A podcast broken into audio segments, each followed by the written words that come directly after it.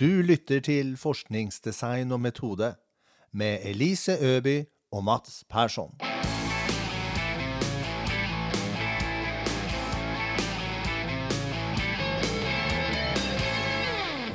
Velkommen til podkasten Forskningsdesign og metode. I dag skal vi snakke om litteraturgjennomgang. Og vi har vært innom temaet litteratur både i første episode, da snakka vi om hva et forskningsdesign er, og ulike deler av et forskningsdesign. Og vi snakka om litteratur i episode to, da vi snakka om å utvikle ett eller flere forskningsspørsmål. Men det vi skal snakke om i dag, er den delen av et forskningsdesign som handler om å gjøre seg kjent med det andre har forska på og skrevet om innenfor et spesifikt tema eller fagfelt. Og da bruker vi ordet litteraturgjennomgang. Og Mats, du har jo skrevet en bok, du, om litteraturgjennomgang. Så da spør jeg deg, hva er en litteraturgjennomgang?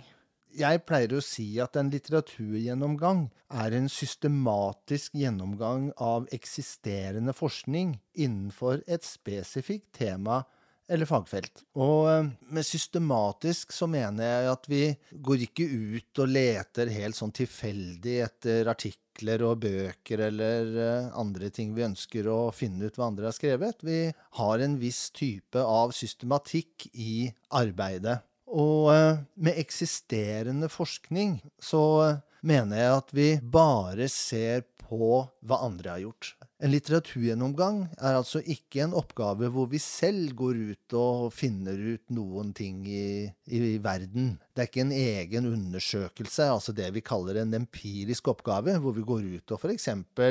spør noen, eller sender ut et spørreskjema, eller observerer, eller bruker noen eksisterende dokumenter som vi analyserer. Nei, i en litteraturgjennomgang så ser vi bare på hva andre har skrevet, og hva andre har gjort, innenfor et spesifikt tema. Og med spesifikt tema så mener jeg at vi har avgrenset oss til noe som er håndterbart og mulig å skaffe seg kjennskap til ved å lete etter litteratur på ulike måter. Men hvis man da skal designe en empirisk studie, som altså er en studie der du tenker at du sjøl skal gå ut i verden, samle data om et eller annet for å svare på et forskningsspørsmål. Er det da sånn at du alltid må gjøre en litteraturgjennomgang? Ja, i utgangspunktet så vil jeg si det. Eh, ethvert forskningsprosjekt forutsetter at vi gjennomfører en litteraturgjennomgang. Hensikten med å gjennomføre en litteraturgjennomgang, eller det vi også noen ganger kaller en systematisk kunnskapsoppsummering, det er å bygge et grunnlag for å kunne uttale oss om et bestemt tema. Og hvis vi skal skrive, ja, si en bacheloroppgave eller en masteroppgave om et tema, motivasjon eller et eller annet, så må vi vite hva andre har skrevet om det. I min bok så bruker jeg f.eks. motstand mot endring i organisasjoner som eh, tema jeg ønsker å finne ut hva andre har skrevet om. Vi skal snakke mer om hvordan vi avgrenser oss fra tema til et konkret spørsmål i eh, neste episode, men vi må allerede nå tenker på at et tema må være avgrenset nok til å kunne gi oss muligheten til å søke og finne og lese hva andre har skrevet om det vi skal uh, skrive litteraturgjennomgang om. For i forrige episode, da snakka vi om å utvikle forskningsspørsmål. Da snakka vi om at vi må gå fra et stort tema, som eksempel motstand mot endring i organisasjoner, til noe som er forskbart. Til spesifikke spørsmål som det er mulig for oss å gå ut i verden og samle data for å finne svar på. Og er det da du tenker nå, da, når du snakker om litteraturgjennomgang, handler det da om at man skal gå inn i eksisterende forskningslitteratur og finne ut hva har andre skrevet om både motstand og motivasjon, eller endring i organisasjoner, og finne ut av hvordan de har skrevet om det, hvilke aspekter de legger vekt på, den type ting. Kan du si litt mer om det? Hvis vi f.eks. skal uh, ta for oss temaet motstand, så må vi først se på hva mener vi med motstand? Eh, hva mener andre med motstand? Hvilke ulike perspektiver finnes det på motstand? Og så kan vi se på endring, altså organisatorisk endring. Hvilke typer perspektiver finnes der? Hvem har skrevet om endring? Og så kan vi se på organisasjoner, altså helt spesifikt en type av eh, det vi kaller empirisk avgrensning. Altså vi kunne sett på motstand mot endring i forbindelse med barneoppdragelse. At barn ikke eh, ønsker endring i hverdagen. Men nå ser vi bare på motstand mot endring i organisasjoner. Og det er en type avgrensning som i veldig stor grad ligner på den avgrensningen vi snakket om sist gang, når vi snakket om forskningsspørsmål. Og det gjør at avgrensningen vi foretar når vi bestemmer oss for å skrive en litteraturgjennomgang, henger sammen med avgrensningen vi gjør når vi utvikler forskningsspørsmålet som vi så bruker i en empirisk undersøkelse. Slik henger de to sammen. Når man da går inn i forskningslitteraturen og ser på hvordan har andre undersøkt ulike aspekter ved motstand mot endring i organisasjoner. Kan man da også se på hva slags undersøkelser de gjør? Hvordan de går ut i verden og prøver å lære om dette? Er det også en del av det du kan finne ut av, og som kan hjelpe deg på veien fra det å ha et forskningsspørsmål og til å vite hvordan skal jeg gå ut i verden og lære noe om dette? Det er det. Vi kommer til å snakke mer neste gang om helt konkrete måter vi søker etter litteratur på, og også hvilken type av litteratur vi bruker i litteraturgjennomgangen. Men eh, vi kan jo allerede nå si at eh, visse typer av litteratur vi ser på, er eh, artikler som eh, er publisert i vitenskapelige tidsskrifter. Og da kan vi se på ulike teorier som blir, eh, er brukt. Vi kan se på ulike typer av funn som har blitt gjort. Vi kan se på ulike typer av metodologiske tilnærminger som har blitt gjort i studier av eh, f.eks. motstand mot endring. Vi kan skaffe oss det som også kalles litteraturoversikt. Altså, vi får en oversikt over litteraturen. Men når vi har skaffa oss den oversikten, fordi når jeg sjøl har prøvd å gjøre dette, gjøre en litteraturgjennomgang, så går det ganske hånd i hånd med utvikling av forskningsspørsmål. Så da leter jeg da etter Kan jeg få noe hjelp her? Til å se hvordan har andre gjort det? Hva har andre spurt om? Og dermed også identifisere hva har ingen spurt om? Uh, er det en kan jeg gå løs på dette på en annen måte? Er det det nye jeg skal bidra med i min studie? kan man også få litt hjelp i den litteraturgjennomgangen til å identifisere hva er det som mangler av kunnskap der ute? Ja, det er et veldig godt poeng. Altså, når vi gjør en litteraturgjennomgang, så er det for å få en oversikt over hva andre mener om det temaet vi er interessert i. Hva andre har skrevet om det temaet som vi er interessert i, og hva andre har forsket på innen det temaet som vi er interessert i. Og når vi får den oversikten, så er det mye lettere å posisjonere seg i sin egen oppgave. Ja, er det da man kan si andre har gjort dette og dette, de fant dette og dette. Det betyr at vi mangler kunnskap om dette og dette, og det er det hullet jeg vil tette med min undersøkelse. Ja, det er nettopp det. Altså, litteraturgjennomgangen gjør vi for å vite hva vi snakker om, rett og slett. Og vi kan uh, sammenligne det med fotball. Nå er ikke jeg spesielt interessert i fotball, jeg kan ikke så mye om fotball. Men hvis du har veldig sterke meninger om hvilken spiller som eh, et lag bør kjøpe inn, eh, eller hvem som er skadet, eller hvilken trener som eh, vi helst skulle ha brukt, så må vi vite noe. Vi må ha lest oss opp om dette fotballaget. Vi må ha sett kampene. Vi må ha fulgt med. Vi må ha sett hvem som har blitt kjøpt, og hvem som har blitt solgt, og hvem som er skadet. Vi må altså rett og slett vite noe om det. Så når vi snakker om en litteraturgjennomgang, så er det nettopp det vi gjør. Altså, vi skaffer oss en oversikt, og vi gjør en oppsummering. Og på grunnlag av det så kan vi si noe og mene noe. For forrige gang så sa jeg at det holder ikke å bare vite hva du skal finne svar på, og heller ikke hva du skal finne svar på og hvordan, men du må også vite hvorfor. Hvorfor er dette et relevant forskningsspørsmål å stille? Hvorfor skal jeg lete etter svar akkurat som jeg gjør?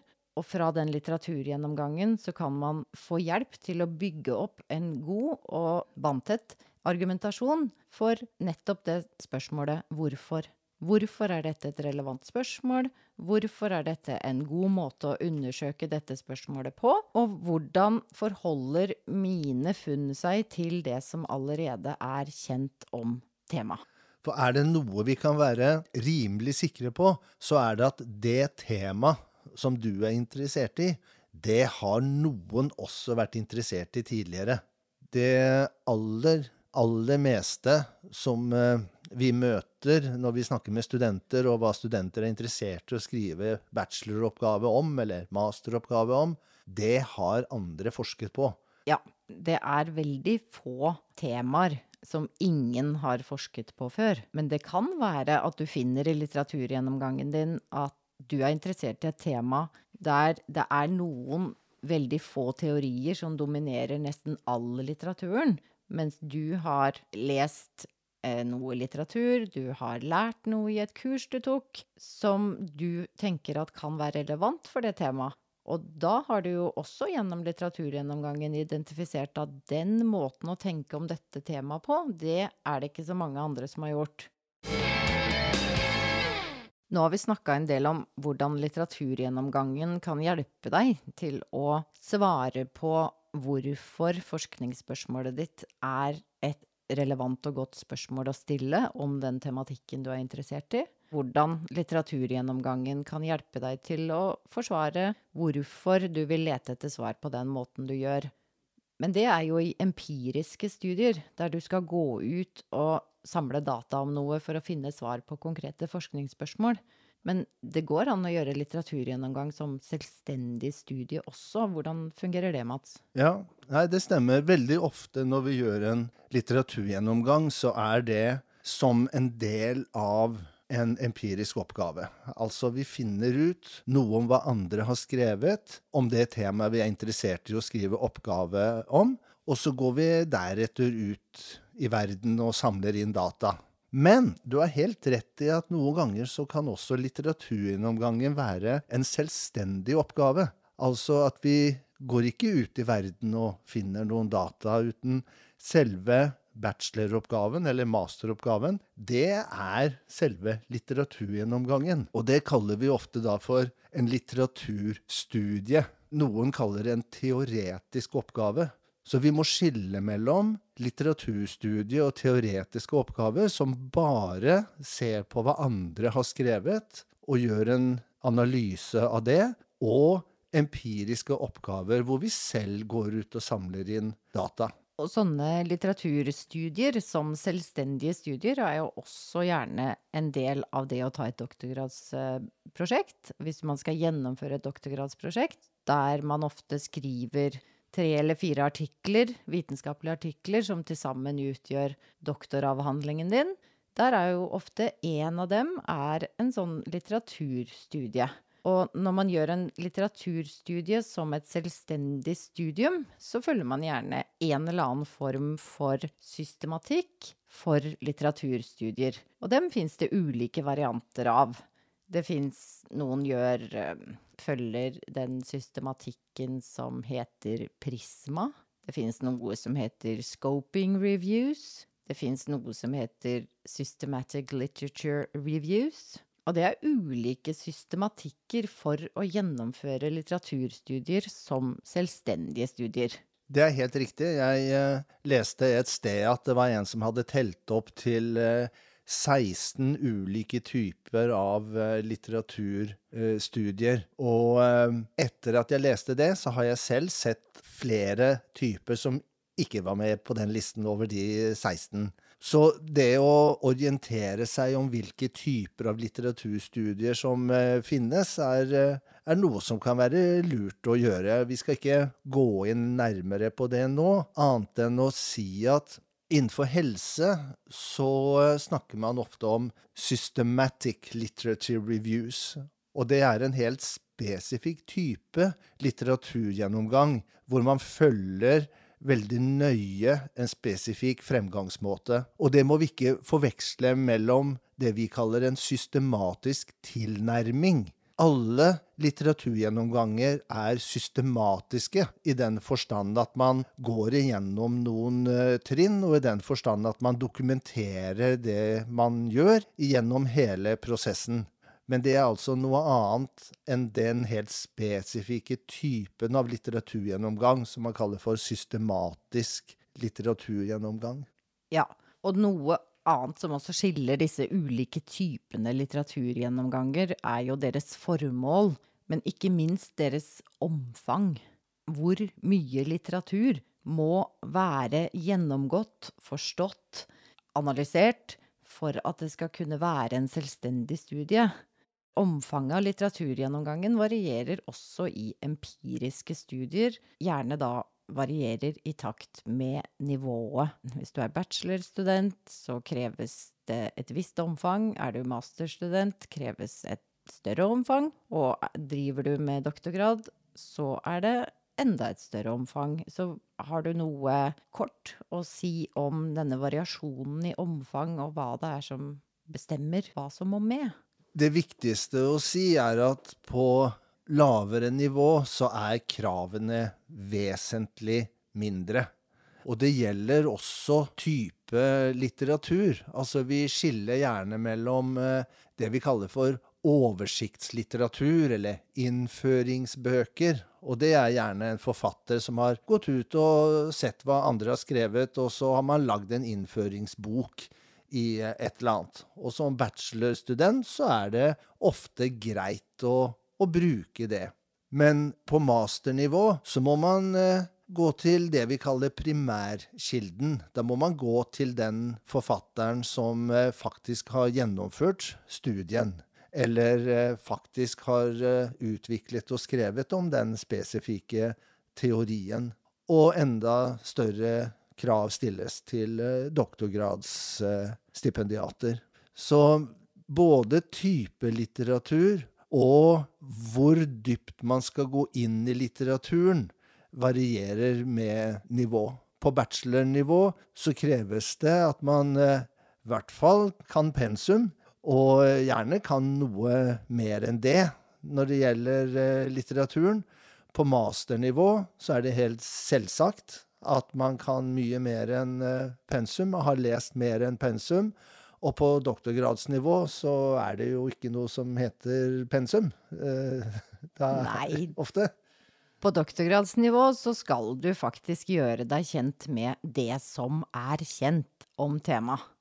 Og da kommer det jo selvfølgelig an på hvor mye du har avgrensa temaet ditt før du begynner å gjøre deg kjent med det som er eh, kjent der ute. Men det er klart, også på masternivå og doktorgradsnivå så stilles det andre krav til hvordan du forholder deg til den litteraturen. Det holder ikke lenger å bare oppsummere hva litteraturen sier. Men du må kanskje også kunne eh, holde ulike tilnærminger opp mot hverandre, ulike teoretiske aspekter opp mot hverandre, på tvers av hele denne samla kunnskapsbasen som er, ligger der ute i eksisterende litteratur. Men jeg er også litt nysgjerrig på, når man snakker om litteraturgjennomgang Det vi snakker om nå, er jo litteraturgjennomgang som en prosess. Det er noe man Vi går ut, vi leter etter litteratur, vi leser litteratur, vi oppsummerer den, og vi gjør kanskje noen analyser av den også. Men noen ganger så snakkes det jo om at litteraturgjennomgangen Og da høres det ut som et produkt ja, nei, det, det, er et godt spørsmål. Altså, vi sier jo at litteraturgjennomgangen både er en prosess og et produkt. Og med prosess så mener vi altså da fremgangsmåten. Måten vi gjennomfører arbeidet med litteraturgjennomgangen. Og da kan vi bruke ulike hjelpemiddel. og ett hjelpemiddel er modellen som jeg har utviklet, og som jeg skriver om i min bok. Og det er 6S-modellen, eh, hvor de seks S-ene står for spørre, søke, sortere, syntetisere, skrive og systematisere. Og den modellen skal vi ta for oss mer neste gang. Ja, vi kommer til å gå inn i alle de ulike s-ene i den modellen eh, i neste episode. Men det vi snakker om nå, er eh, litteraturgjennomgangen som enten prosess eller produkt. Når vi snakker om litteraturgjennomgangen som et produkt, så er det selve tekstdokumentet vi ender opp med. Altså prosessen er måten vi gjennomfører arbeidet på, mens produktet er det endelige resultatet som vi eh, da har etter at selve prosessen er ferdig. Den kan vi så bruke enten inn i en empirisk oppgave, eller vi kan utvikle den videre som en selvstendig oppgave. Og det er også den du kan legge fram for sjefen din når du skal redegjøre for at ja, dette er det som er kjent, derfor bør vår praksis informeres fra forskningen på denne måten. Det stemmer. Og vi ser jo også i politiske utredninger, NOU-er og slikt, så ser vi jo ofte referanser til eksisterende litteratur. Og hvis man viser til altså i enhver sammenheng hvor vi ønsker å vise til tidligere forskning, altså forskningen sier at, når vi bruker den type uttrykk, så er det på grunnlag av en litteraturgjennomgang. Ja, og for deg som er bruker av um, forskning, for deg som er leder og skal finne ut av hva er det som er kjent om dette temaet, som det er meningen at jeg skal vite noe om, så er det viktig at du lærer deg hvordan du systematisk går fram for å faktisk få en oversikt. Og det er der den systematikken kommer inn i bildet, og det er der også din modell, Mats, er et veldig godt verktøy for å vite at du jobber systematisk gjennom hele litteraturen, og ikke bare noen få deler av det som tilfeldigvis var enklest for deg å finne. Et annet eksempel er hvis du er leder og eh, driver med medarbeidersamtaler. Og eh, du har fått beskjed om at du skal ha medarbeidersamtaler med de du er leder for. Og så lurer du på funker medarbeidersamtaler. Eh, er det vanlig? Hva er fordelene? Hva er ulempene? Er det noen diskusjoner om medarbeidersamtaler? Og så videre. Og da kan vi gjøre en litteraturgjennomgang og finne ut hva forskningen sier om medarbeidersamtaler. Og på den måten så slipper du å synse uten egentlig å vite hva du snakker om. Da kan du gjennom en litteraturgjennomgang finne ut hva forskningen sier om noe. Og det vi må huske når vi snakker om forskning, det er to ting. For det første så er all forskning feilbarlig. Og med det så mener vi at det kan være at vi finner ut noe nytt. Det vi mener er riktig og sant i dag, kanskje ikke er det vi mener er riktig og sant i morgen. Fordi at vi gjennom forskning hele tiden skaffer oss ny kunnskap. Det andre er at fordi forskningen er feilbarlig, så er den også korrigerbar. Altså at vi kan endre vårt syn, vår mening, på bakgrunn av ny viten. Og det er viktig å huske, fordi at når vi gjør en litteraturgjennomgang, så må vi se på forskningen som er blitt foretatt på et gitt tidspunkt. Og når vi leser og lærer mer, så kan det være at ny forskning har vist noe annet. Og det er nettopp den kunnskapen, det kan være den typen av utvikling av kunnskap og viten vi trenger å ha for å kunne uttale oss på en god måte om et spesifikt tema. Ja. Utvikling av forståelsen av hvordan man skal tolke DNA-resultater, er et eksempel på det. Vi var ikke veldig gode på det i Norge på 90-tallet. Så kommer det ny forskning, ny forståelse av hvordan DNA skal forstås, f.eks. For i sammenheng med rettssystemet. Og det er klart det er veldig relevant for alle som jobber innenfor rettssystemet, å vite noe om forskningen på hvordan man skal forstå DNA. Og da trenger man å forstå hvordan skal jeg lete etter den kunnskapen i litteraturen. Og der kommer litteraturgjennomgang til nytte utenfor studier eller akademia eller forskning i seg selv. Men er det sånn at det er en god ting for alle som skal gjøre et stort eller lite forskningsprosjekt, og bruke tid på å gjøre en litteraturgjennomgang? Det virker så veldig arbeidskrevende. Ja, det er arbeidskrevende. Det tar mye tid, og det tar mye mer tid enn det man tror uh, før man begynner. Men det er en god investering. Og det er en god investering av flere grunner. Og hvis vi skal ta to av dem, så er én grunn at uh, vi får igjen for det senere i uh, arbeidet med den empiriske oppgaven, hvis det er nå sånn at vi skal skrive en empirisk oppgave.